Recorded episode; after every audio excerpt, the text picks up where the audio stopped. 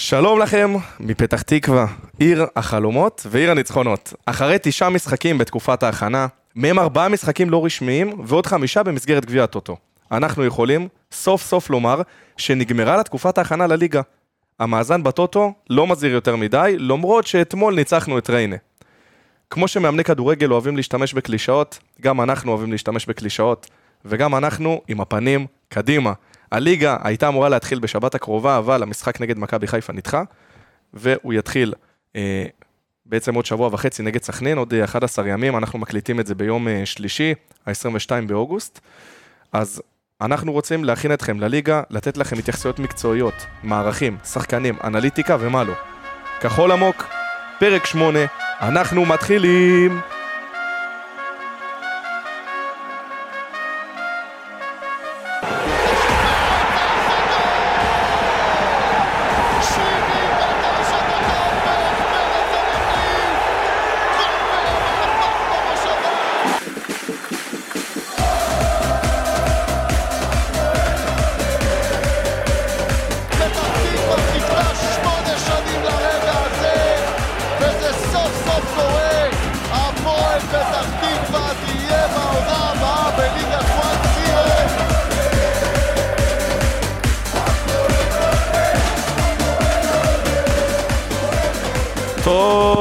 רבה לדי.ג'יי רונן כהן. אנחנו כמובן רקדנו פה כמו תמיד אה, לצלילי המנגינה המצוינת הזאת. אה, והגיע הזמן להציג את הפאנל סוף סוף בהרכב מלא. אז בואו נעשה את זה מה... מהצעיר לוותיק. ככה ניתן פה כבוד למבוגרים שהם יהיו בסוף, ככה שבינתיים יוכלו לשתות מים להתרענן. אז ערב טוב, דן ממליה. אהלן, מה נשמע? מה קורה? מה שלומך, ידידי לענייני קפריסין והסביבה? כן, אה, וואי, איזה כיף, סוף סוף מקליטים אחרי ניצחון. פעם כן. ראשונה. אתה יודע, צריך לספר גם לכולם שאתה אתה גם המומחה לענייני תשיירה, שהגיע מקפריסין, וגם אתה יכול לעזור לנו לבנות טיולים לקפריסין, כי אתה בוגר האי. וואלה, כן, כאילו, בוא, לא, אה, הייתי שם פעמיים. אז אתה בוגר, כן. כן, אז, מי אה, שצריך יכול לדבר איתי, נבנה יקיר מסלול. נבנה מסלול, בכיף. ערב טוב, רגע, מי יותר גדול? אז כן. ערב טוב, ידידי עומר לוין. ערב טוב. ידידי. ידידי, מה שלומך? בסדר, מה נשמע? ערב טוב. איך אתה מרגיש? מעולה. כיף איך- לה- כיף לבוא אחרי ניצחון. סוף סוף. ואיך היה הפרק עם שפונגין? זה הכי כיף. וואו, היה מה זה כיף. אתה כן, שמעת בפרק? אני שמעתי. אתה נהנית? אני ממש נהניתי. מאוד מקצועי, מאוד, מאוד. אז אתה מוכן. לעוד פרק מקצועי? כן, כמובן. יופי. ועכשיו, בכיר השבט, רותם, שושני, שלום. אהלן, אהלן, ערב טוב לכולם. איך אתה מרגיש? פה. מעולה, מעולה, תודה. אז טוב, אנחנו רוצים אה, להתחיל עכשיו באופן רשמי את הפרק, ואנחנו נתחיל את זה עם סבב של סיבוב מהיר, כמובן. אה, ורותם, אמנם בהצגה של האנליסטים אתה היית האחרון, אבל הפעם אתה תהיה הראשון, אז רותם, הסיבוב המהיר שלך. הסיבוב המהיר שלי הוא על אה, פורצ'ן באסי. אתמול במשחק אה, נגד ריינה, בגול שהוא הבקיע, ראינו את היכולת שהוא יכול וצריך להביא לנו, ולתת לנו עונה, הפיזיות, הכוח המתפרץ שלו יהיו שווים שערים העונה, נקווה שכמה שיותר. דן ממליה. כן, אז uh, אני בא ל- להוסיף איזושהי נקודה שכבר uh, ראינו אותה בעונה שעברה, ואיזה כיף לראות את זה גם העונה, שאנחנו יודעים לחזור מפיגור, אנחנו קבוצה עם אופי. Uh, זו פעם ראשונה עונה, לכו תדעו עוד כמה יהיה.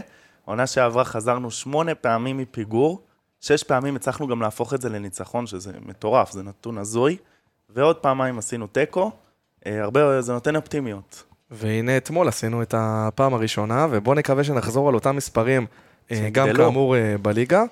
אה, ועכשיו, איזה כיף לקרוא לך ידידי, גם במיוחד שאתה לידי, אז ידידי לוין, הסיבוב המהיר שלך. טוב, אני רוצה להגיד מילה טובה ל- לקיניונס. אה, אחרי שככה ראינו אותו במשחקים הראשונים קצת עוד, שהוא צריך קצת להשתפשף, אפשר לראות שממשחק למשחק הוא משתפר. אני גם, אה, אני גם, זה, זה כמה שהוא מהיר, זה פשוט הזוי, כמה מטורף. השחקן הזה מהיר, הוא כאילו כן. יכול לעשות טעות שבורח לו כדור, אבל שנייה הוא ירוץ רק פה בחזרה. אז אה, מילה טובה לפה מקיניונס, ואני מקווה שזה עתיד לבאות. אז אה, קודם כל תרגם לו את זה לספרדית, כי אני לא יודע אם הוא שומע את הפודקאסט. אה, וואו. תן לו איזה למוניקה לגתם וידאו, לקאסה דה פיפה, תן לו איזה משהו כזה, תקליט לו בוואטסאפ. אני- אולי אתה תעשה. הוא בוגר קפריסין, אני בוגר אה, אני דרום יודע- אמריקה. אני יודע אה, להתמקח- בספרדית, זהו, רק זה מה שאני יודע. תתמקח איתו על סגירות בהגנה, אולי זה אתה ושפונגין. אה, ואני אתן את הסיבוב המהיר שלי, אז אה, לא יודע אם אתם יודעים, לפני שנתיים שינו את אה, שיטת גביע הטוטו. פעם היה בתים של ארבע קבוצות, והיום יש לך שתי בתים, שני בתים של חמש קבוצות בכל בית. אה, והנתונים, המספרים מראים שבשנתיים האחרונות, היו בעצם שתי קבוצות שסיימו אחרונות בבית. לפני שנתיים זה היה אה, נוף הגליל וביתר ירושלים. נוף הגליל ירדו ליגה, ביתר סיימו מקום עשירי. לפני שנה, נס ציונה סיימה אחרונה בבית שלה, ירדה ליגה, הפועל חיפה סיימה גם מקום אחרון בבית השני, והיא סיימה מקום שביעי. מה הנתונים שאני בעצם בא לומר? גביע הטוטו יודע לחזות במובן מסוים הצלחה של קבוצות בליגה. על פניו, כל הקבוצות שסיימו מקום אחרון בבית שלהן בטוטו, או שירדו ליגה, או שהם היו בפלייאוף תחתון. אם אני הולך לפי הסטטיסטיקה הזאת, ואני אומר תחזית מאוד פסימית, או הפועל פתח תקווה, או מכבי בני ריינה, עתידות לרדת ליגה. אבל הסטטיסטיקה גם מראה, הסטטיסטיקה מראה שהסטטיסטיקה משקרת. זה משפט משיר של... אה, אגב, כן. בעונה שירדנו לליגה א', הגענו לגמר גביע הטוטו בלאומית. אז הנה, אתה, אתה רק מחזק את הטענה שהסטטיסטיקה משקרת, אבל עדיין אה, חשוב שגם אה, נלמד ממה שהיה פה בעבר, והעבר זה עד לפני שנה, ואני מקווה שאנחנו לא נרד ליגה כאמור. עכשיו אנחנו עוברים לחלק המקצועי, ואני אומר לכם, מאזינים יקרים, זה החלק המאוד מאוד מקצועי והיותר מקצועי של הפרק הזה. אה, אז חילקנו פה, כל איש מהצוות קיבל על עצמו איזשהו תחום אחריות שהוא הולך להציג לכם. התחום הראשון יהיה של דן. דן, אתה תציג לנו את מערכי המשחק של עופר טלספאפה, אה, תסביר לנו הסברים טקטיים, שחקנים שייחודים לכל מערך, שוט.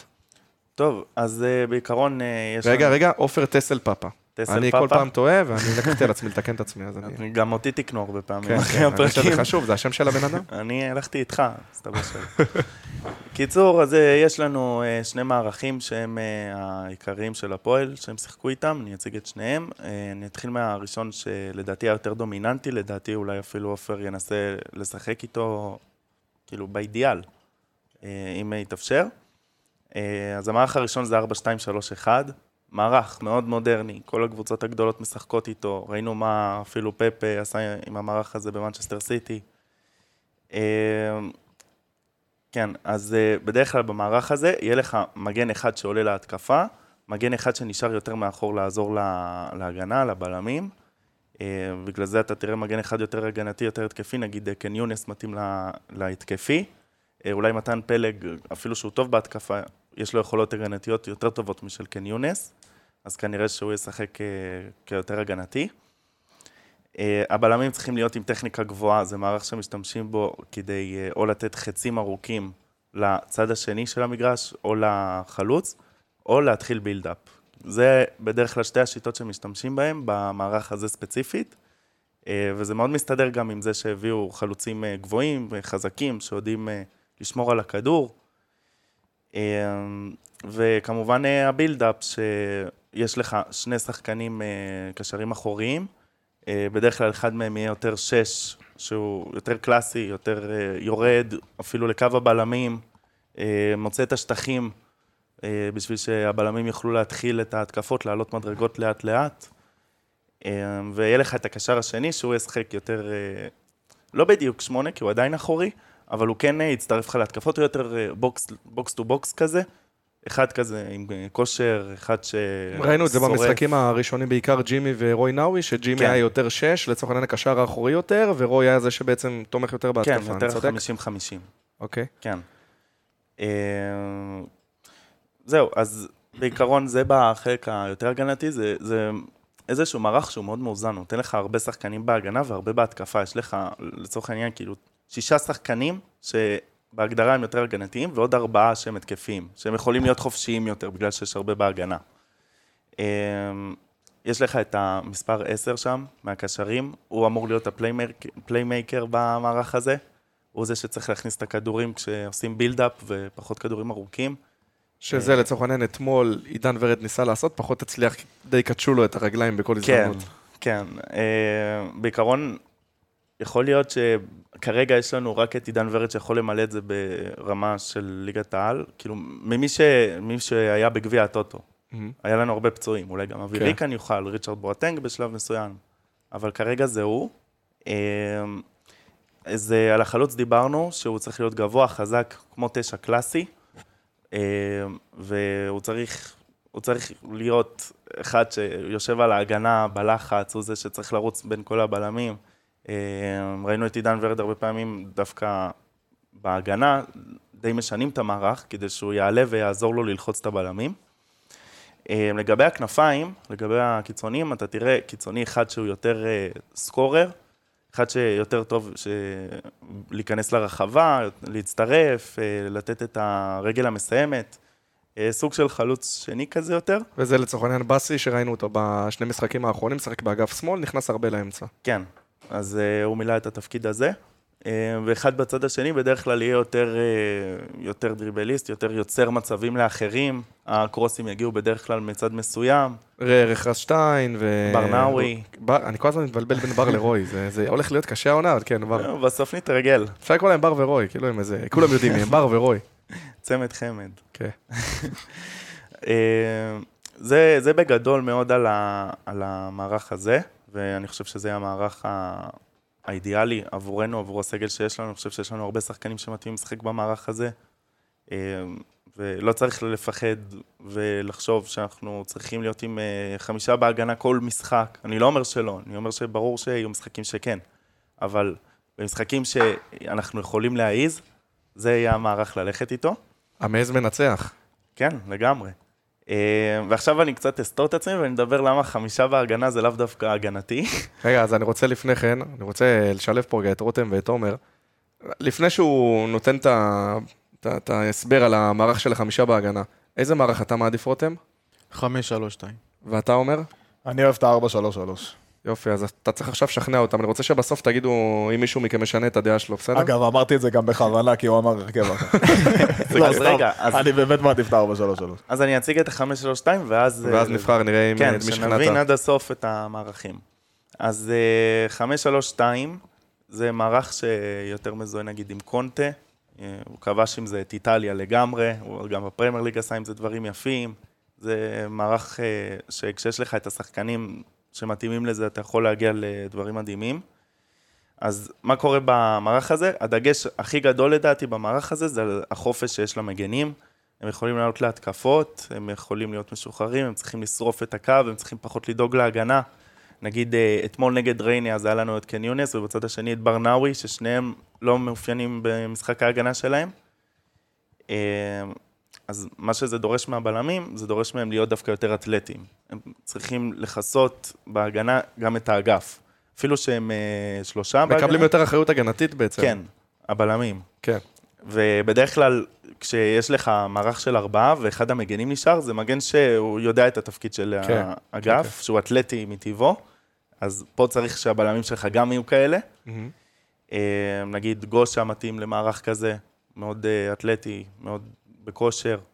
אה, אתמול הוא היה בכל מקום, חייב להגיד. אנחנו אנחנו נתייחס הרבה גם למשחק של אתמול, כי הוא עוזר להסביר דברים, כן, כן. ואני אישית אתמול ראיתי את גושה בכל מקום, הוא גם עשה ים עבירות, אבל הוא... זה עבירות אבל שצריך לעשות. עבירות גושה. כן, כן, לא, זה עבירות. שאתה חייב לעשות. כן. הוא הציל גול ברחבה כן, כן. באיזה קרוס אחד. הוא ש- אגרסיבי לטובה, אני אני אוהב להגיד את זה, זה מונח מצחיק, הוא באמת, האגרסיביות שלו היא טובה, הוא לא הוא לא אגרסיבי ברוטלי, כן. הוא עושה את זה במקום, הוא מתקל אותך בכיף, בקלאס. מוריד לך רגל, באהבה אחי, ככה, לוחץ לך יד. אה, כן, אז אה, במרכז המגרש יש לך שלושה, שלושה קשרים, וביחד עם המגנים שעולים, זה יכול לצייר, ל- לייצר שם גם יתרון מספרי. רגע, שנייה, מישהו מתעורר פה, בוקר טוב. בוקר טוב. בוקר טוב. אה, אז כן, אז זה יכול לייצר לך שם יתרון מספרי, כשיש לך חמישה על הקו של, ה... של, של הקישור. כן. זה בעצם מערך שנותן לך סוג של יתרון מספרי בכל מדרגה במגרש. כי אם עכשיו הקבוצה בהגנה וצריך חמישה בהגנה, יש לך חמישה. אם אתה עכשיו בהתקפה, מגנים עולים, יש לך חמישה בקישור, יש לך עוד שניים בהתקפה. זה מערך... מו- מודולרי כזה, הרבה יותר מודולרי, אתה מבין מה- מה זה לא מודולריות? בדיוק. זה מת- שהוא... כמו מתפרק. כן. הוא מתפרק. אתה ממש כמו מדפים כאלה מתפרקים, אתה בא, לוקח את המדף מפה, שם אותו פה, בלי הברגות, בלי כלום, שולף, מכניס, כן. שולף, מכניס, משנה ב live, הכל אבל. זה תלוי מאוד במגנים, איך הם באו כן. למשחק, אתה צריך זהו. שהמגנים שלך יהיו top במשחק זהו, שאתה... בדיוק באתי להגיד את זה, סליחה שאני עוצר אותך באמצע. זה הרכב קצת, אה, הקטע של המגנים פה, זה, זה, על זה תקום וייפול, אה, ההרכב. יקום וייפול, ההרכב. כן. כי אם המגנים שלך הם התקפיים מדי, אז ההגנה שלך תהיה בעיה. אם הם הגד- אם הגנתיים מדי, אז ההתקפה שלך תהיה לוקה בחסר. בגלל זה ההרכב הזה הוא קצת, אה, מסוכן נקרא לזה, אולי risky. כן, אבל uh, זה תלוי בסוף בשחקנים שיש לך כשירים. נגיד, אתמול לא היה לנו מגן ימני קלאסי, אז היינו צריכים לשחק לדעתי. היינו, זה לא הייתה החלטה אם כולם היו זה כשירים. אילוץ מסוים לאור מצב הסגל. כן. Uh, רגע, אז בואו נדבר על, ה, על החלוצים שם, כי שם זה גם מאוד מעניין. Uh, בדרך כלל יש לך שם שתי חלוצים עם תכונות שונות. אתמול זה, זה סוג של תכונות שונות, אבל, אבל לא בדיוק. אתה מדבר על באסי ושכטר. באסי ושכטר. כן. כן, אה, שניהם באו לשחק בעצם את התפקיד של התשע החזק במערך של חלוץ אחד, מהמם. וראינו אותם אתמול ביחד. אה, ודווקא כן ראינו מהם אה, דברים אה, אחרים, שלאו דווקא מאפיינים אותם. אני ראיתי הרבה פעמים את שכטר יורד ועוזר אה, לקישור להניע כדור, או באסי שפתאום פותח אה, לקו. אה, הגול. של באסי, אגב, הגיע מצד ימין. הוא לא. נכנס דרך האמצע. נכון. הוא הגיע מצד ימין. כן, אז זה מאפשר אה, אופציות מאוד מגוונות בהתקפה. ניגש ניגש לבחירות? ולבחירות בוא. נראה, בוא נראה, איזה הרכב אתה מעדיף, כן. איזה מערך. אני? חמש, שלוש, שתיים. אתה משוכנע, אתה. נשאר- אתה גם נשאר איתן בדעתך? אני חלוק בדעתי. או, אני אגיד לך מה, ב-4-3-3, אתה צריך לשחק את זה נגד קבוצות או פחות טובות ממך, או באותה רמה איתך. ואין לנו את זה כל כך בליגה הפעם, כי אנחנו... זה עונת הישרדות. אז אין לנו, כל... לא תהיה לנו כל כך את האופציה הזאת. אני חלוק דווקא מבחינת הבלמים, כי יש לך שלושה בלמים, שעל מי אתה מוותר? יש לך לצורך העניין את גושה, תשיירה. את ג'י- תשיירה ואת ג'ימי, ופלשר. ופלשר.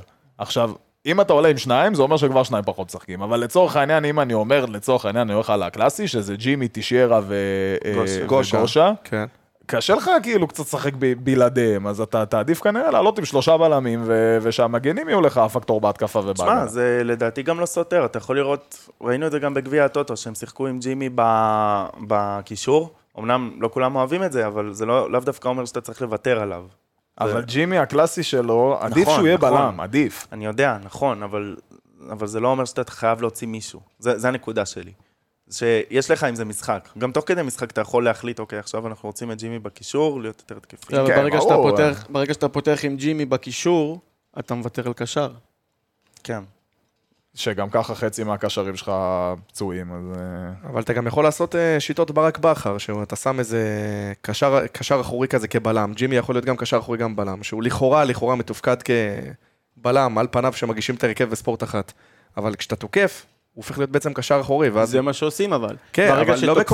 לא, אבל אם אתה תעשה את זה עם, עם תשיירה, גושה ופלשר, אז אתה לא תעלה אחד מהם להיות כקשר אחורי, כי הם לא יודעים לעשות את זה. כן, אבל ברגע שאתה עולה עם שלוש, שלושת הבלמים האלו שאמרת, אז שני המגנים שלך הם קיצוניים לכל דבר. ו- ועדיין, אני לא חושב שאתה רוצה להישאר עם, אה, נגיד עכשיו אתה תוקף במערך 5-3-2, להשאיר שלושה בלמים מאחורה כשאתה צריך שער זה מיותר. אתה רוצה להשיג שער, בגלל זה אני אומר, עדיף לך כשאתה, לצורך העניין בפיגור, התחלת את המשחק עם אה, חמישה שחקני הגנה, עדיף לך שג'ימי יהיה אחד מהם, אפילו רם לוי. כדי שכשאתה תרצה לתקוף, אתה תוכל להעלות את ג'ימי או את רם מדרגה, בזמן שאתה תוקף, וכשאתה יורד להגנה, הם בעצם הופכים להיות בלמים. בסדר גמור, זה כבר אה, עופר וצוות האמון צריכים להגיב לפי איך שהמשחק מתקדם. וגם אתה צריך להגיב עכשיו על תבניות משחק. בוא נדבר על תבניות משחק. בסדר גמור, אין נו, שום בעיה. תגיב. כן, תגיב, תגיב. אז בגדול, מה זה תבניות משחק בעצם? זה סדר פעולות שהשחקנים עושים כדי ליישם את תוכנית המשחק של הקבוצה. אה, דברים כמו תבניות התקפה, חילופי מקום, כדורים ארוכים או קצרים, משחק לחץ. תבניות הן בעצם אה, מהלכים שעובדים עליהם באימונים בצורה מאוד מתודית ורציפה, על מנת לייצר אה, קו ברור של בניית מהלכים התקפיים או הגנתיים. עכשיו אה, בואו נלך לתבניות משחק שאני ראיתי במהלך אה, משחקי גביע הטוטו, שהפועל שיחקה איתם. הראשון זה כדורים ארוכים משחקני הגנה לכיוון האגפים.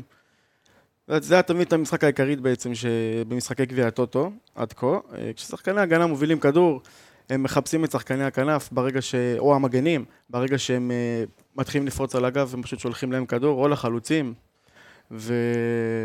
ושולחים להם כדור ארוך. היתרון של זה, שזה שובר את משחק הלחץ של היריבה, נכון? נכון. אבל החיסרון זה שאתה יודע, לא כל בלם פה הוא איזה פיקה שמביא כדורים אה, מדודים, אז יש לא בזה הרבה אחוזי אתה הצלחה צריך נמוכים. לסמוך על המגן שיתפוס את הכדור, יתפוס, שישתלט על הכדור מכדורי, מכדור גובה. לא, אבל הוא אומר שהוא שולח את זה לכנף, המגן אמור להיות יחסית קרוב לבלם. בסדר, לא, אבל... או כנף או מגן. או לא- כנף או כן, מגן, מי. שמשחק על הקו באותו, מי שנמצא שם באותו רגע. בדיוק. אז אולי זה דווקא עדיף במערך של 5-3-2, כי אז יש לך ארבעה שחקנים, אם המגנים עולים, יש לך ארבעה שחקנים שיכולים להגיע אה, לכדורים הבנתי, האלה. הבנתי, הבנתי. נכון. מצוין.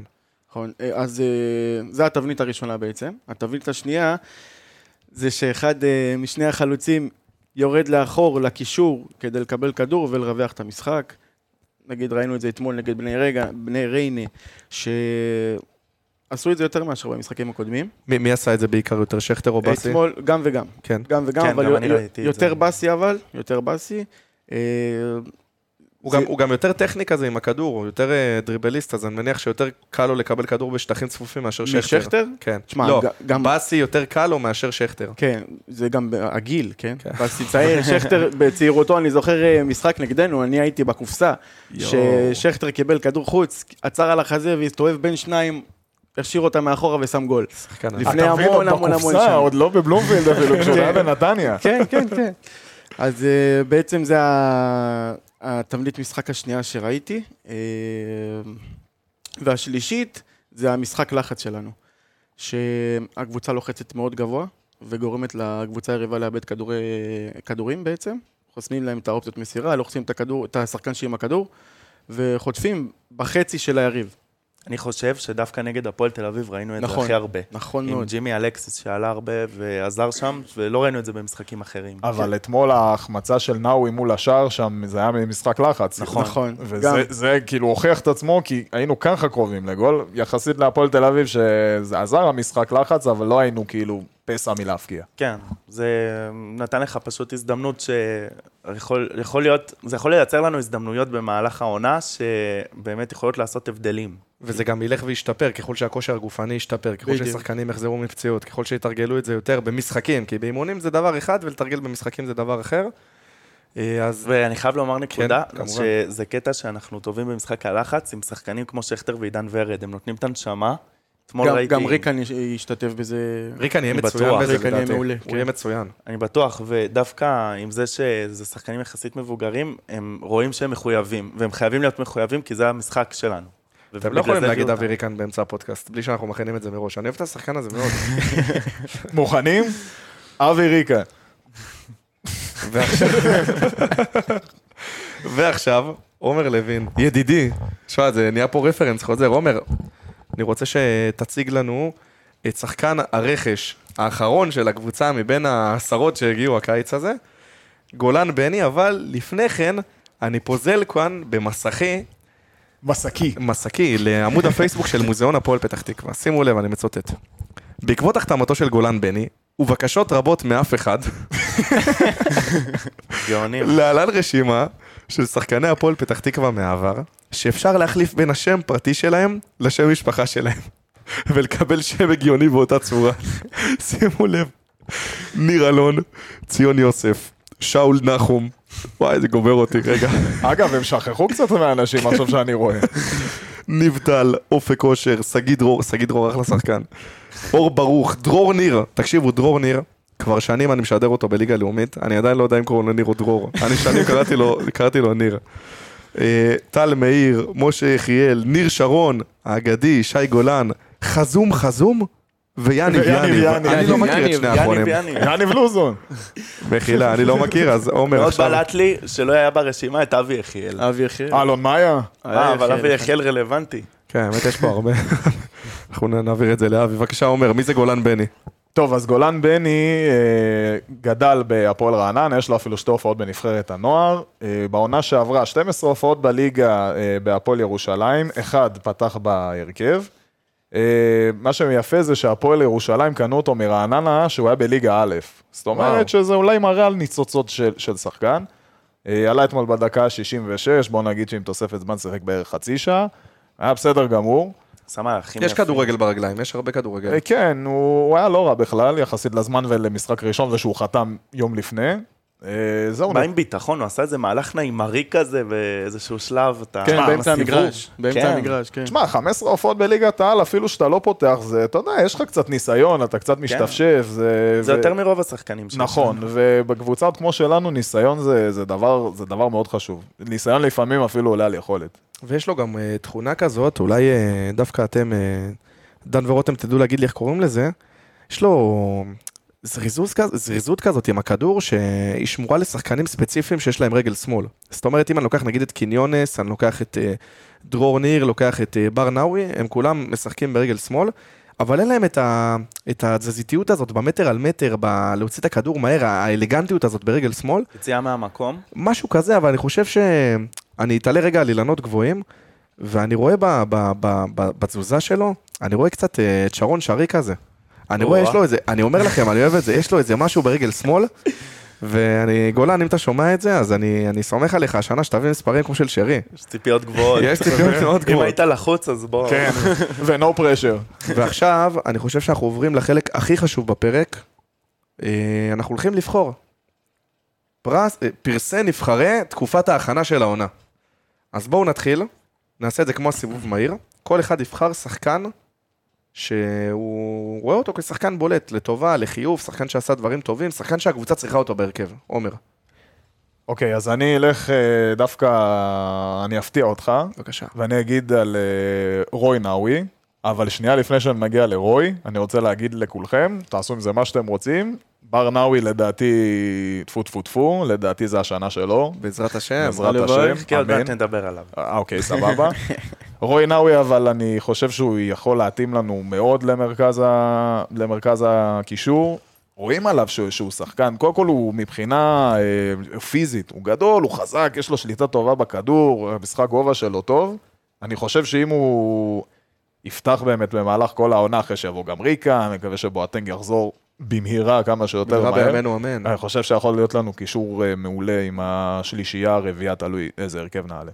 אתה יודע מה אני חושב? אני חושב שמאוד משפיע עליו העניין עם הקהל או עניין המעמד, כי בדרבי, במשחק הראשון שלו היה ממש טוב, מאוד התלהבנו ממנו, ודווקא אתמול הוא היה טיפה קצת יותר אה, חלש. אה, אתה. חושב שהוא ניזון אני מהאנרגיה של חושב הקהל? שהוא מאוד ניזון מזה, אני חושב שזה מאוד משפיע על איך שהוא משחק, אני חושב שזה מכניס לו איזשהו drive, ואני חושב שיהיו משחקים עם הרבה קהל, דווקא שם אני רואה אותו. משחקים בפרופיל גבוה.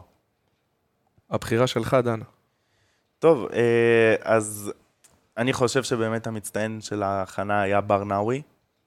בואו, הוא לא שיחק יותר מדי אה, בהפועל בשנים האחרונות.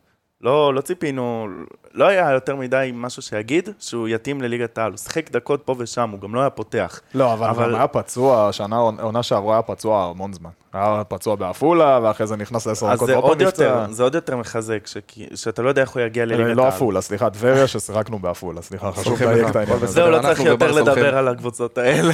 אבל מה לעשות? לא, אני אומר, זהו, עכשיו מדברים מכבי תל אביב. זהו, תשנה את. עמוד, מדברים על מכבי תל אביב, הפועל תל אביב, נתניה על. הקופסה.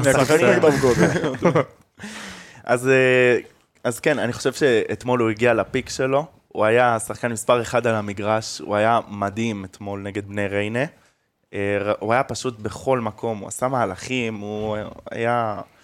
אתה ראית את המחויבות שלו, דווקא במשחק בפרופיל נמוך, בלי הרבה קהל, שלשחקנים היה קשה להביא את עצמם, הוא מאוד הביא את עצמו. ואני חושב שזה אומר הרבה שדווקא במשחק הזה הוא בלט, ואני חושב שאם לא הייתי בטוח עד עכשיו שהוא יהיה מתאים לרוטציה בהפועל, כי אישית לא, לא הייתי בטוח שלליגת העל זה יספיק, עכשיו אה, אני קצת יותר רגוע. אז היה לנו רוי נאווי אצל עומר, בר נאווי אצל דן, והנבחר של רותם הוא... נאווי. מישהו פה חייב לדבר על קניונס. או, מישהו פה חייב. לדבר על קניונס. פרגנתי לו בהתחלת הפרק, מה, אתה לא מקשיב? נכון. אז אה, מבחינתי הוא השחקן הבולט, אה, מגן שמאלי, שמאז שהגיע עשה בלאגן על כל, על, על, עשה בלאגן על כל קו של, אה, לכל קבוצה ששיחקנו נגדה. שחקן מהיר מאוד עם צד ראשון שרוב משחקני הליגה לא יעמדו מולו. יש לו את יתרון המהירות על כל שחקן שישמור עליו, ולכן הקבוצה צריכה לנצל את זה, לשחק על הצד השמאלי, שאני מאמין שגם רז שטיין ישחק שם לרוב. אז uh, ככה שהצד שמאל, צד שמאל שלנו זה משהו שהקבוצות היריבות uh, ידברו עליו וילמדו אותו היטב. אבל הוא חייב לדעת מתי לשחרר את הכדור. הוא אוהב מאוד להתמהמה עם הכדור. בדרך כלל, לא בדרך כלל, יש פעמים שהוא מאבד אותו ובמצבים מאוד מסוכנים. מסוכנים. אתמול נגד ריינה היה לו שני עיבודי כדור שבמזל לא הביאו לספיגת שער. אה, והוא גם חייב לעבוד על הדיוק שלו במסירות. אני אגיד לך שני דבר, שלושה דברים. דבר ראשון, הייתי לוקח אותך עכשיו להיות פרשן בספורט אחת. מצוין, איזה כיף. דבר שני, אני לא אגיד לך, אבל אה, אביעד, אתה... אני רוצה שתחשוב רגע על מי השחקן הבולט שלך, ו- ותגיד לנו, רק תגיד את השם שלו, תכף, בסדר? קח שנייה לחשוב על זה. בינתיים אני אגיד. אני אגיד שהשחקן הבולט שלי, שאני בוחר, זה פורצ'ן באסי. ואני גם אגיד, זה לא שהמשחקים שלו היו מושלמים, זה לא שהוא נותן 90 דקות מושלמות, אבל כשאני מסתכל על שחקן זר, אני מחפש שהוא יביא שדרוג על פני השחקן הישראלי. באסי כרגע מביא לך שדרוג. אני לא יודע אם יש חלוץ ישראלי בחוץ פנוי, שיכול לבוא ולעשות יותר טוב ממה שבאסי עושה כרגע, ואני חושב גם שיש לו איכויות פיזיות שאין להרבה חלוצים זרים בארץ באופן כללי. אם הוא ייתן עונה טובה עם מספרים טובים, הוא בהחלט יכול להגיע לאיפה שהוא היה אמור להגיע. חבר'ה, הוא שיחק בליגת האלופות לפני שנה. זה שחקן שהיה בפרנס ורו, שהיה אמור לעשות קריירה יפה, כאילו הוא כרגע בירידה תלולה, מה שנקרא.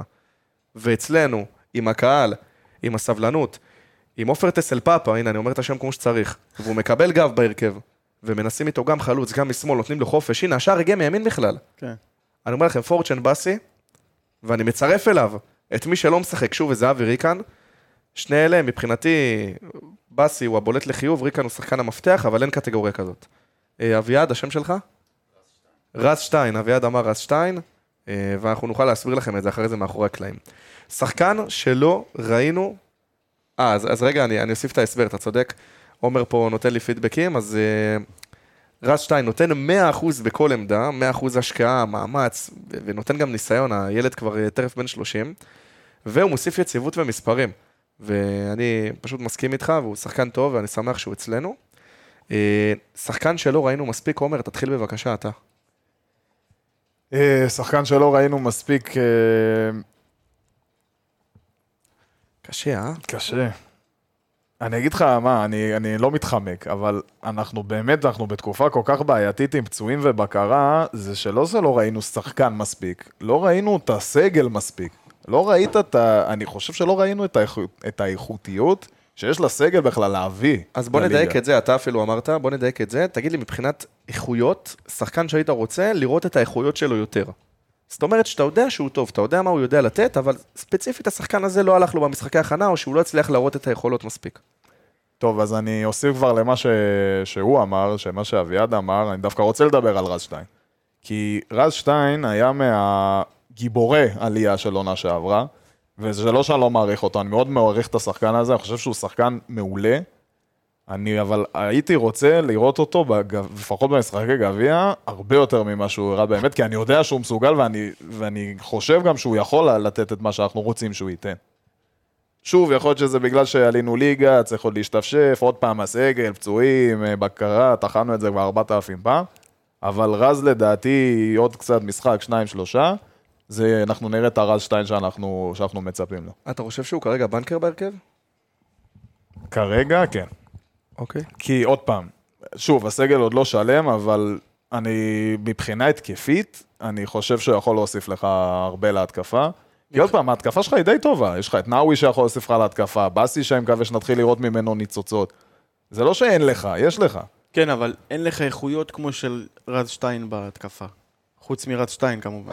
ש- כן, שוב, כמו שאמרתי אפילו בפרק הראשון, אני תופס ברשטיין, הוא, הוא מהיר, הוא חזק, רגל ימין, שמאל, נייחים. נייחים, זה, זה יגיע. אצל רז זה יגיע, חד משמעית. אז uh, לטעמי השחקן שלא ראיתי ממנו מספיק עד עכשיו הוא באסי. Uh, שחקן עם גודל כזה, עם פיזיות כמו שלו, עם כוח מתפרץ כמו שיש לו, חייב להיות יותר מעורב במשחק. ולכן, מה שאהבתי לראות במשחק נגד בני ריינה זה שהוא ירד לקישור לקבל כדור, לרווח את המשחק, להתחיל התקפות. אה, למעשה בשער, בשער שהוא כבש, הוא הביא את כל הנתונים שדיברתי עליהם כרגע. אם כי הוא נראה עדיין שהוא לא בכושר משחק מלא, אבל אין ספק שהוא מנסה להשתלב, ואני מאמין שזה יגיע בהמשך, והלוואי שהוא יכבוש לנו בדו ספרתי העונה. טוב, אני לקחתי את ההגדרה קצת למקום אחר. אני קח אותה לאיפה שתרצה. אני חשבתי שאנחנו מדברים על שחקן שאתה רוצה לראות, ועוד לא ראית מספיק, כי או שהוא לא היה, או שהוא... אה, זה, זה בדיוק, לא? לא, כי שינינו את זה עכשיו ב live. עכשיו ב live עשינו שינוי. אז בעניין הזה, אני חושב שחד משמעית, אני חושב שהתשובה אולי באמת אה, הכי הכי ברורה, זה רם לוי. וואו, אתה יודע, לא דיברנו עליו מספיק, והוא הקפטן שלנו. נכון, הוא היה פצוע, אבל... כן. זה- והנה, תשובה הוא, מעולה. והוא היה במשחק נגד ריינה, הוא שיחק ב-20 דקות האחרונות בערך, והוא הביא את השינוי. איך שהוא עלה, משהו השתנה בקבוצה. הוא מביא אנרגיה מטורפת. השחקנים פתאום יותר מחויבים כשהוא נמצא, הוא, הוא מנהיג אמיתי, כן. הקפטן שלך עלה. הקפטן שלך עולה, כן. הקפטן עלה, כן. בדיוק. ופתאום היה איזה סוויץ', וגם לפני הגול התחלנו לראות התקפות, התחלנו לראות מצבים, והוא באמת הביא את השינוי למשחק, אני באמת חושב שגם אה, לקראת העונה, אה, אני רואה את זה גם כסוג של איזשהו פוטנציאל לליגת העל, כי הוא עוד לא שיחק בליגה הזאת. שיחק כל השנים בליגה כן. הלאומית. ואני מאוד מאוד חושב שהוא יכול והוא מתאים לליגת העל. ואנחנו נאחל לו שבאמת השנה הוא יפרוץ, כמו שאיחלנו לבר, אנחנו מאחלים גם לו, שחקנים שהיו בעיקר בליגה הלאומית, והגיע הזמן שיקפצו גם לליגה הראשונה. אני אבחר בעידן ורד, ודיברתי עליו בכמה פעמים, כמה מונולוגים, שחקן עם יכולות מטורפות. מה שאני כרגע שם לב, שהוא באמת מנסה להביא את היכולות שלו לידי ביטוי, אבל מה מכסחים לו את הצורה? משחק אחרי משחק, הקבוצות מתכוננות אליו, כי בואו, זה השחקן אה, אולי הכי מוכר בחלק הקדמי שלנו. ויודעים שגם בסוף הוא באמת אה, מממש את משימת הקישור, שהיא לחבר בין המגנים, הגנה והתקפה. כן. וכשמבטלים אותו, זה מבטל לקבוצה הרבה יכולות. תראו, שוב, אני לא מאמן, לא בא מהדברים האלה, אני לא באמת יודע לדייק, אבל צריך למצוא איזשהו פתרון שיאפשר לו להיות יותר מעורב במשחק. מה שאני חושב, ואני שוב אוהב להת- להתעלות על אילנות גבוהים, ראינו שנה שעברה במנצ'סטר יונייטד, לקחו את קריסטיאן אריקסן, שהוא שחקן שמשחק גם פליימקר, הורידו אותו טיפה אחורה כדי שהוא יוכל לנהל את, ה, את המשחק, שמי שעושה עליו לחץ זה חלוצים שבסוף הם פחות יודעים לעשות לחץ טוב כמו שקשר אחורי של יריבה עושה. ואני חושב שביונייטד זה עבד יחסית טוב לפרקים, וראינו את זה בהרבה קבוצות בעולם, שלוקחים את השחקן העשר שלך, מורידים אותו טיפה למטה כדי שיהיה לו יותר חופש. אגב, שחקן שאני רואה אותו עושה את זה הרבה, זה גם אוסקר גלוך. אז שוב, עידן ורד יכול לעשות את זה, אני לא יודע באיזה קונסטלציה זה צריך לקרות, אבל לדעתי הוא חייב איכשהו להשיג את החופש, אולי בתבניות משחק רותם, אולי זה המערך דן, אבל עידן ורד, אין לנו הרבה שחקנים עם יכולות כמו שלו, וככל שנראה אותו יותר, נהיה יותר טובים, ואין מה להוסיף. בואו ניגע בקטע, ב- בפינה הבאה, אני רוצה שניגע במילה, אה, פוטנציאל. השחקן עם הפוטנציאל הכי גדול לפרוץ, אתה כבר עומר נגעת בזה על חצי רגל שאמרת על בר נאווי, אבל בואו ניקח את זה, ל... קחו את זה לקיצון. כאילו, אני, אני אגיד ראשון, אני מתלבט בין אה, רז, איך אומרים את השם משפחה? זרביאלו. ביאלוב או באילוב? זרבאילו. זרביאלוב? אז אני מתלבט, בואו נקרא לו רז רגע, אני מתלבט. בין החלוץ שאתמול כבש שער רז, לבין מקסים. מקסים בבקו. וואי, קשה לי עם השמות. אני מתלבט בין שניהם. אני חושב שכרגע רז יכול להצליח יותר, כי יש לנו פחות שחקנים על העמדה שלו, ואני מקווה שהוא יצליח לפרוץ, והוא אחלה פוטנציאל. אה, דן, הבחירה שלך. טוב, אתה לקחת את לי את רז, אז אני אקח את מקסים בפרו.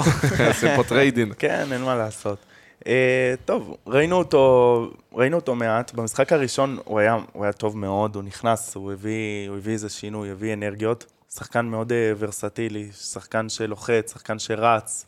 אה, יש, יש מה לקחת ממנו לליגת העל, וכמו שאני אומר מהיום הראשון, הוא יכול להיות הליאור ברקוביץ' המשודרג שלנו. וואו. שחקן שיביא לנו בליגת העל מה שליאור בתקופה הקצרה הטובה שהייתה לו, הביא. אה, אם זה האנרגיות, אם זה האטרף, הלחץ, אה, הלא אבל יש, מתפשר. יש מלא שחקנים על העמדה שלו. נכון, קשה. שלא תהפוך את זה, עכשיו גם הביאו את גולן בני, ויש לך, והקבוצה לא תמיד משחקת עם עשר, יש לך את גולן בני, וירין סוויסה שאתמול שיחק גם, וסמואל בראון, וג'ימי, וריצ'רד בואטן כשיחזור, ועידן ורד, ואבירי כאן, ורוי נאווי, ובר נאווי, כאילו, יש שם כל כך הרבה ש... מה קורה? בסדר, אתה צריך סגל עמוק, אין מה לעשות. אחי, יש לך איזה עשרה קשרים. מעולה. זה המון. אם הוא יביא משחק טוב בסיבוב ח' בגביע המדינה, לך תדע. אם היית אומר את זה תחילת עונה, שחצי סגל עדיין לא היה שיחק, אז היית אומר אין לך מספיק קשרים. קודם כל אמרנו את זה, אמרנו את זה בפרק הכנה, ודן ספציפית אמר את זה, שיש לנו מלא שחקנים ורסטיליים, ו- וזה מייצר מצב שיש לך המון המון שחקנים בקישור, יש שם עומס. וצירפו את סוויסה ואת גולן בני, אז בכלל. אני, אני באמת אוקיי. מנסה להבין איפה מקסים ייכנס כאן. הוא יצטרך לחכות להזדמנות שלו, אין לו ברירה. תשמע, אבל- למקס- למקסים יש עוד איזה עונה בנוער לפי דעתי. כן, כן, לפי עכשיו מה הוא- שהבנתי, הוא גם הקפטן של הנוער העונה. אז אה, יש- תשמע, גם יש לך גביע פה ושם, מחכה, עלייה, העונה עוד ארוכה, עוד יש לך. אולי הוא ישחק באגפים. יכול להיות. הוא, זה, כן, יכול להיות. יש לו דריבל טוב, הוא מהיר, יש מצב. כן, שם יותר אני רואה אותו מקבל הזדמנות. בעיקרון זאת העמדה שלו, שחקן אה, אגף. הבחירה שלך, מר שושני? הבחירה שלי, אה, לדעתי אופק כושר יכול למצות את הפוטנציאל שלו העונה. תשמע, יש לו את כל הנתונים. מהירות, כוח, טכניקה. הוא צריך להתחיל את העונה טוב, לקבל את ביטחון, אני מאמין שתהיה לו עונה טובה. גם בפרק שהקלטנו עם שפונגין, הוא אמר שהוא רוצה לבנות אותו בתור מגן ימני, ושיש לו פוטנציאל גדול בעמדה הזאת. אה, אני מאמין בו. ברנאווי וכל מילה, כל מילה נוספת. נחוש. נחוש, חד, חדור. מה עוד יש? טוב, אז אנחנו סקרנו בפניכם את השחקן הכי בולט לחיוב של כל אחד, שחקן שלא ראינו מספיק, הפוטנציאל הכי גדול, דיברנו על מערכים, דיברנו על אה, שיטות אה, משחק ותבניות. ועכשיו, קבלו לראשונה, בפודקאסט האנליסטים כחול עמוק, חסות. אז אנחנו נבוא ונספר לכם שיש לנו פינה חדשה, והיא בחסות קנדיד ישראל, שהיא המלבישה הרשמית של פודקאסט האנליסטים. רשת האופנה, החדשנית ומלאת הסטייל, קנדיד מאמינה שלא משנה מה האירוע, העונה או מזג האוויר, כל גבר יכול להתלבש באופן שמשדר ביטחון, אלגנטיות וסטייל. בקנדיד יתאימו לך כל בגד בדיוק לגזרה שלך. עומר, לדוגמה, אתה איזה מידה אתה בבגדים? לארג'. לארג'. אם עכשיו אתה, אתה מכיר את זה שאתה הולך לחנות ופתאום הלארג' יושב לך קצר, האקסטרה לארג' גדול, נגיד זה קורה לי מלא. הם לי, יכולים להתאים לך את זה. דן, אתה איזה גובה אתה? אתה איזה שתי מטר. אני, אתה מה אתה מגזים? כן, נתתי לך. שמונים. בואנה, אני יותר גבוה, יותר אני יותר גבוה? גבוה ממנו. אז מה, למה, למה דן נראה יותר גבוה? כי יותר צעיר. אז דן, אם אתה צריך שיתאימו לך חולצה לגובה, ואם אתה צריך מכנס שיהיה מותאם לגזרה שלך, אתה הולך לקנדיד, הם עושים לך את כל התיקונים בחינם. וואלה, זה לא. ידעתי, זה באמת לא כן. ידעתי. אין כסף. וזה Game Changer, אה, ואפשר לקצר את השרוולים, אפשר להאריך, אפשר לעשות אה, הצהרות וכל מה שאתם רוצים בקנדיד. אז בקנדיד אתה לא קונה רק בגד, אלא משדר אפילו מי אתה. חבר'ה, אני אומר לכם, זה אחלה של חנות, ולכו לשם. עכשיו, אנחנו נעשה את הפינה הראשונה בחסות קנדיד. בפינה הזאת כל פאנליסט יבחר את ההרכב שהוא ילביש במשחק הראשון של העונה, עוד עשרה ימים, פחות או יותר 11 ימים, בבית נגד בני סכנין. הרכב, רק שמות, אפשר גם להגיד מערך. רותם, בבקשה. תראה, אני רשמתי לי את הרכב, אבל הלכתי עם השחקנים הלא פצועים. ואתה יודע, תענוג, לך עם הלב. האלה שכרגע כשירים, אז אה, מערך 532 אני הולך, שוער אה, רן חשפיה, בלמים תשרה, ג'ימי אלקסיס וגושה, מגן ימני בר נאווי, ראינו אותו אתמול אה, עושה את זה מעולה, מגן שמאלי קניונס, קשרים בראון, רם לוי ועידן ורד, חלוצים באסי ורז שטיין. תענוג, איזה כיף, יאללה, בוא שיתחיל הליגה. הלוואי. דן? טוב, אז אני, אני הלכתי על חלק מהשחקנים שעוד לא שיחקו, אבל uh, כרגע uh, הבנתי שמתן פלג, מתן פלג יכול להיות גם uh, כשיר למשחק הזה. אז במידה והוא כשיר, אז קודם כל שוער. שוער כמובן עומר כץ. מתן פלג צד ימין, תיישרה לידו, ג'ימי אלקסיס וקן יונס. Uh, כמובן ב-4-2-3-1. שני הקשרים האחוריים, אני רואה את אה, אבי ריקן וסמואל בראון פותחים. אה, עידן ורד מעליהם כעשר, ובהתקפה אני רואה את אה, רז שטיין, איתי שכטר ובאסי. אני רוצה לראות את באסי בצד שמאל, אני חושב שהוא, יש לו פוטנציאל טוב לשם. ברור שזה לא מה שיעדו אותו לעשות, אבל אני חושב שהוא יכול להיות מאוד אפקטיבי מהאגפים. כן, אבל תפתח את שלוש... עם שלושתם, את מי תעלה מהספסל אחרי את אופק 60 אושר, דקות. את אופק, ברנאווי. את ברנאווי. אה, בר מקסים. בהרכב, אה, את רז. סליחה, כן, כן. הוא אמר את. רז, לא?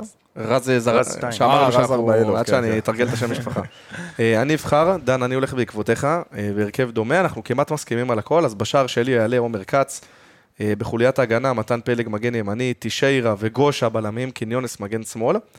ג'ימי אצלי פותח כקשר אחורי, אני מאוד אוהב את ג'ימי כקשר אחורי, כי הוא שחקן שרץ בכל המקום, הוא עושה לחץ, הוא מחפה על קניונס, מחפה על הבלמים.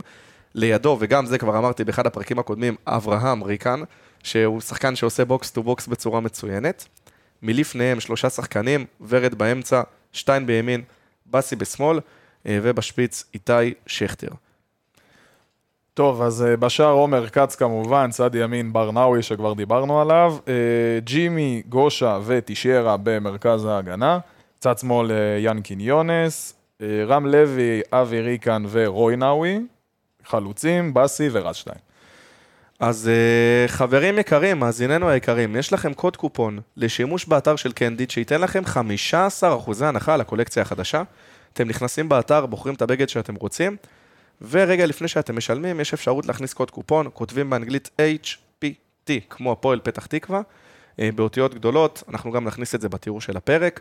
תכתבו את הקוד כמו שצריך כדי לקבל את ההטבה, משלוח מגיע אליכם תוך שלושה ימים ללא כפל מבצעים.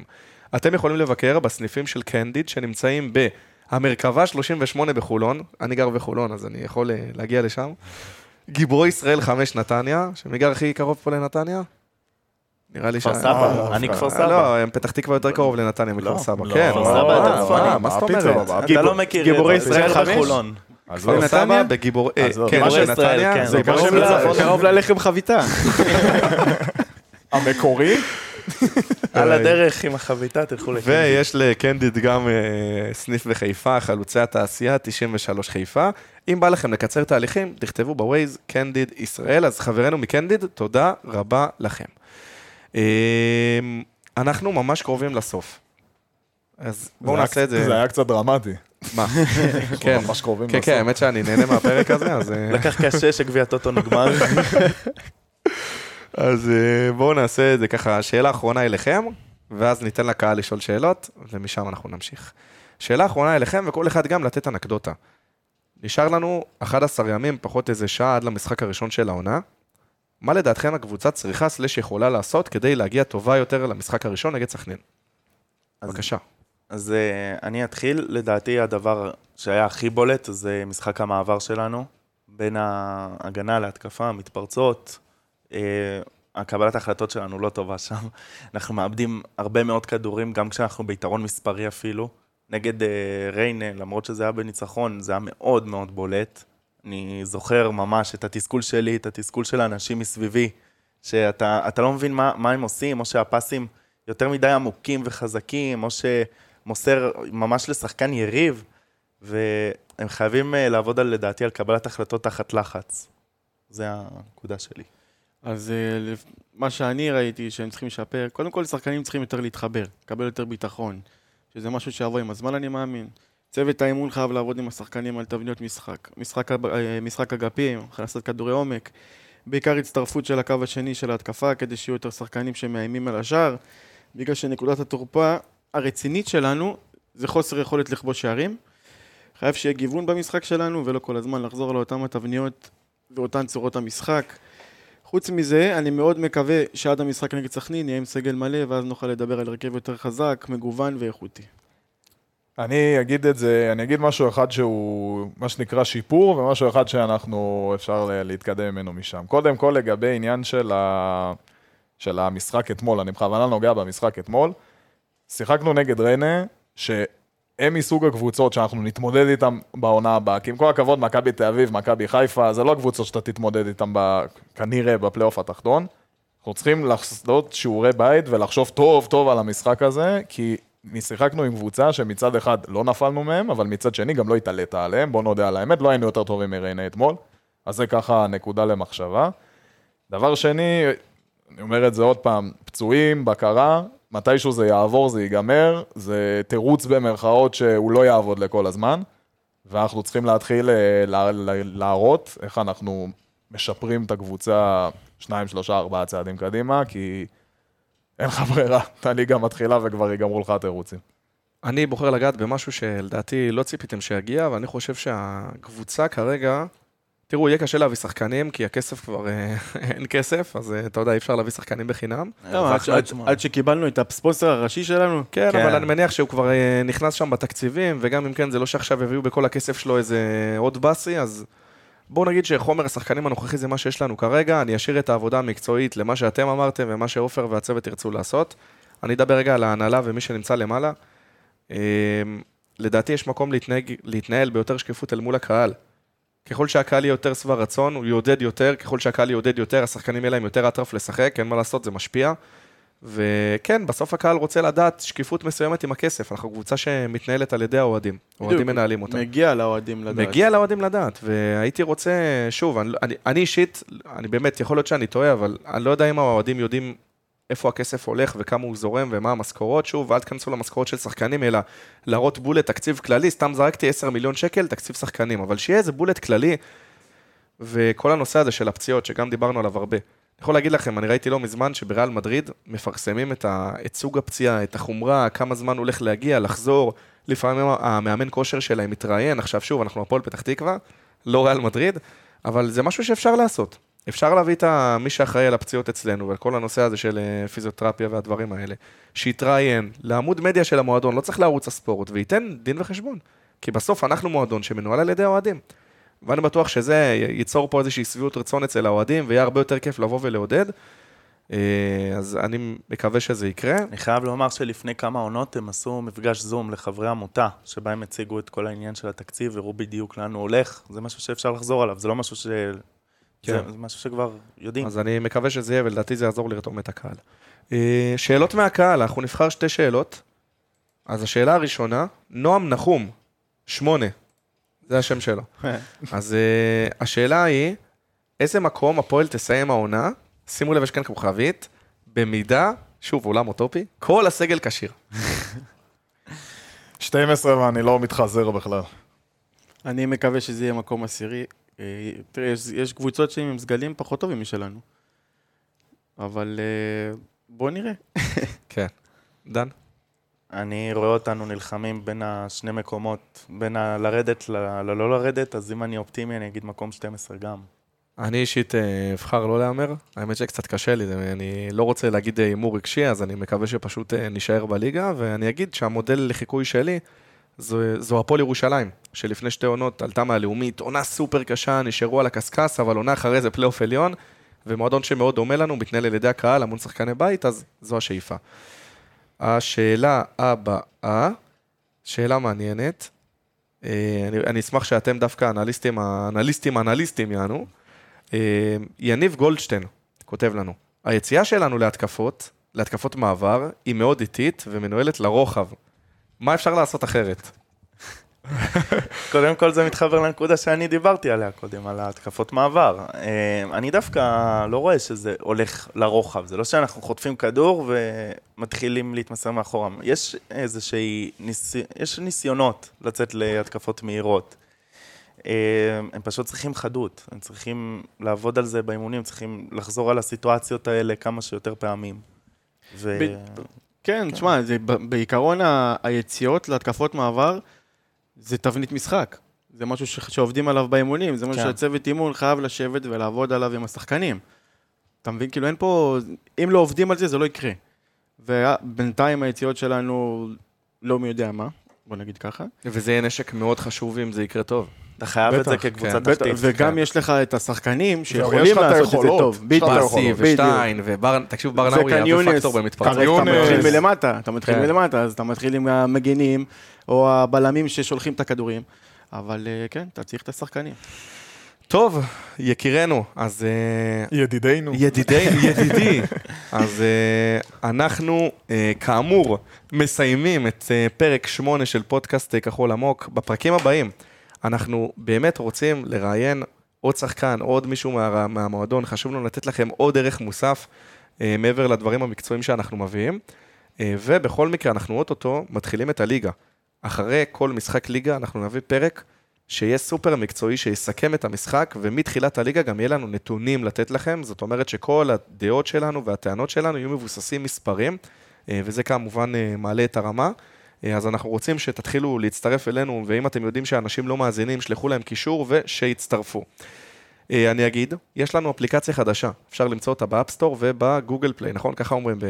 כן, כל, כל הנחותים. כל אנשי. האייפון האלה. כן, אני אייפוניסט אה, עילאי ומתנשא, אז אצל אנשי האייפון, App Store, תיכנסו, תחפשו אנליסטים, ב Google Play, אנשי אנדרואיד, תחפשו אנליסטים.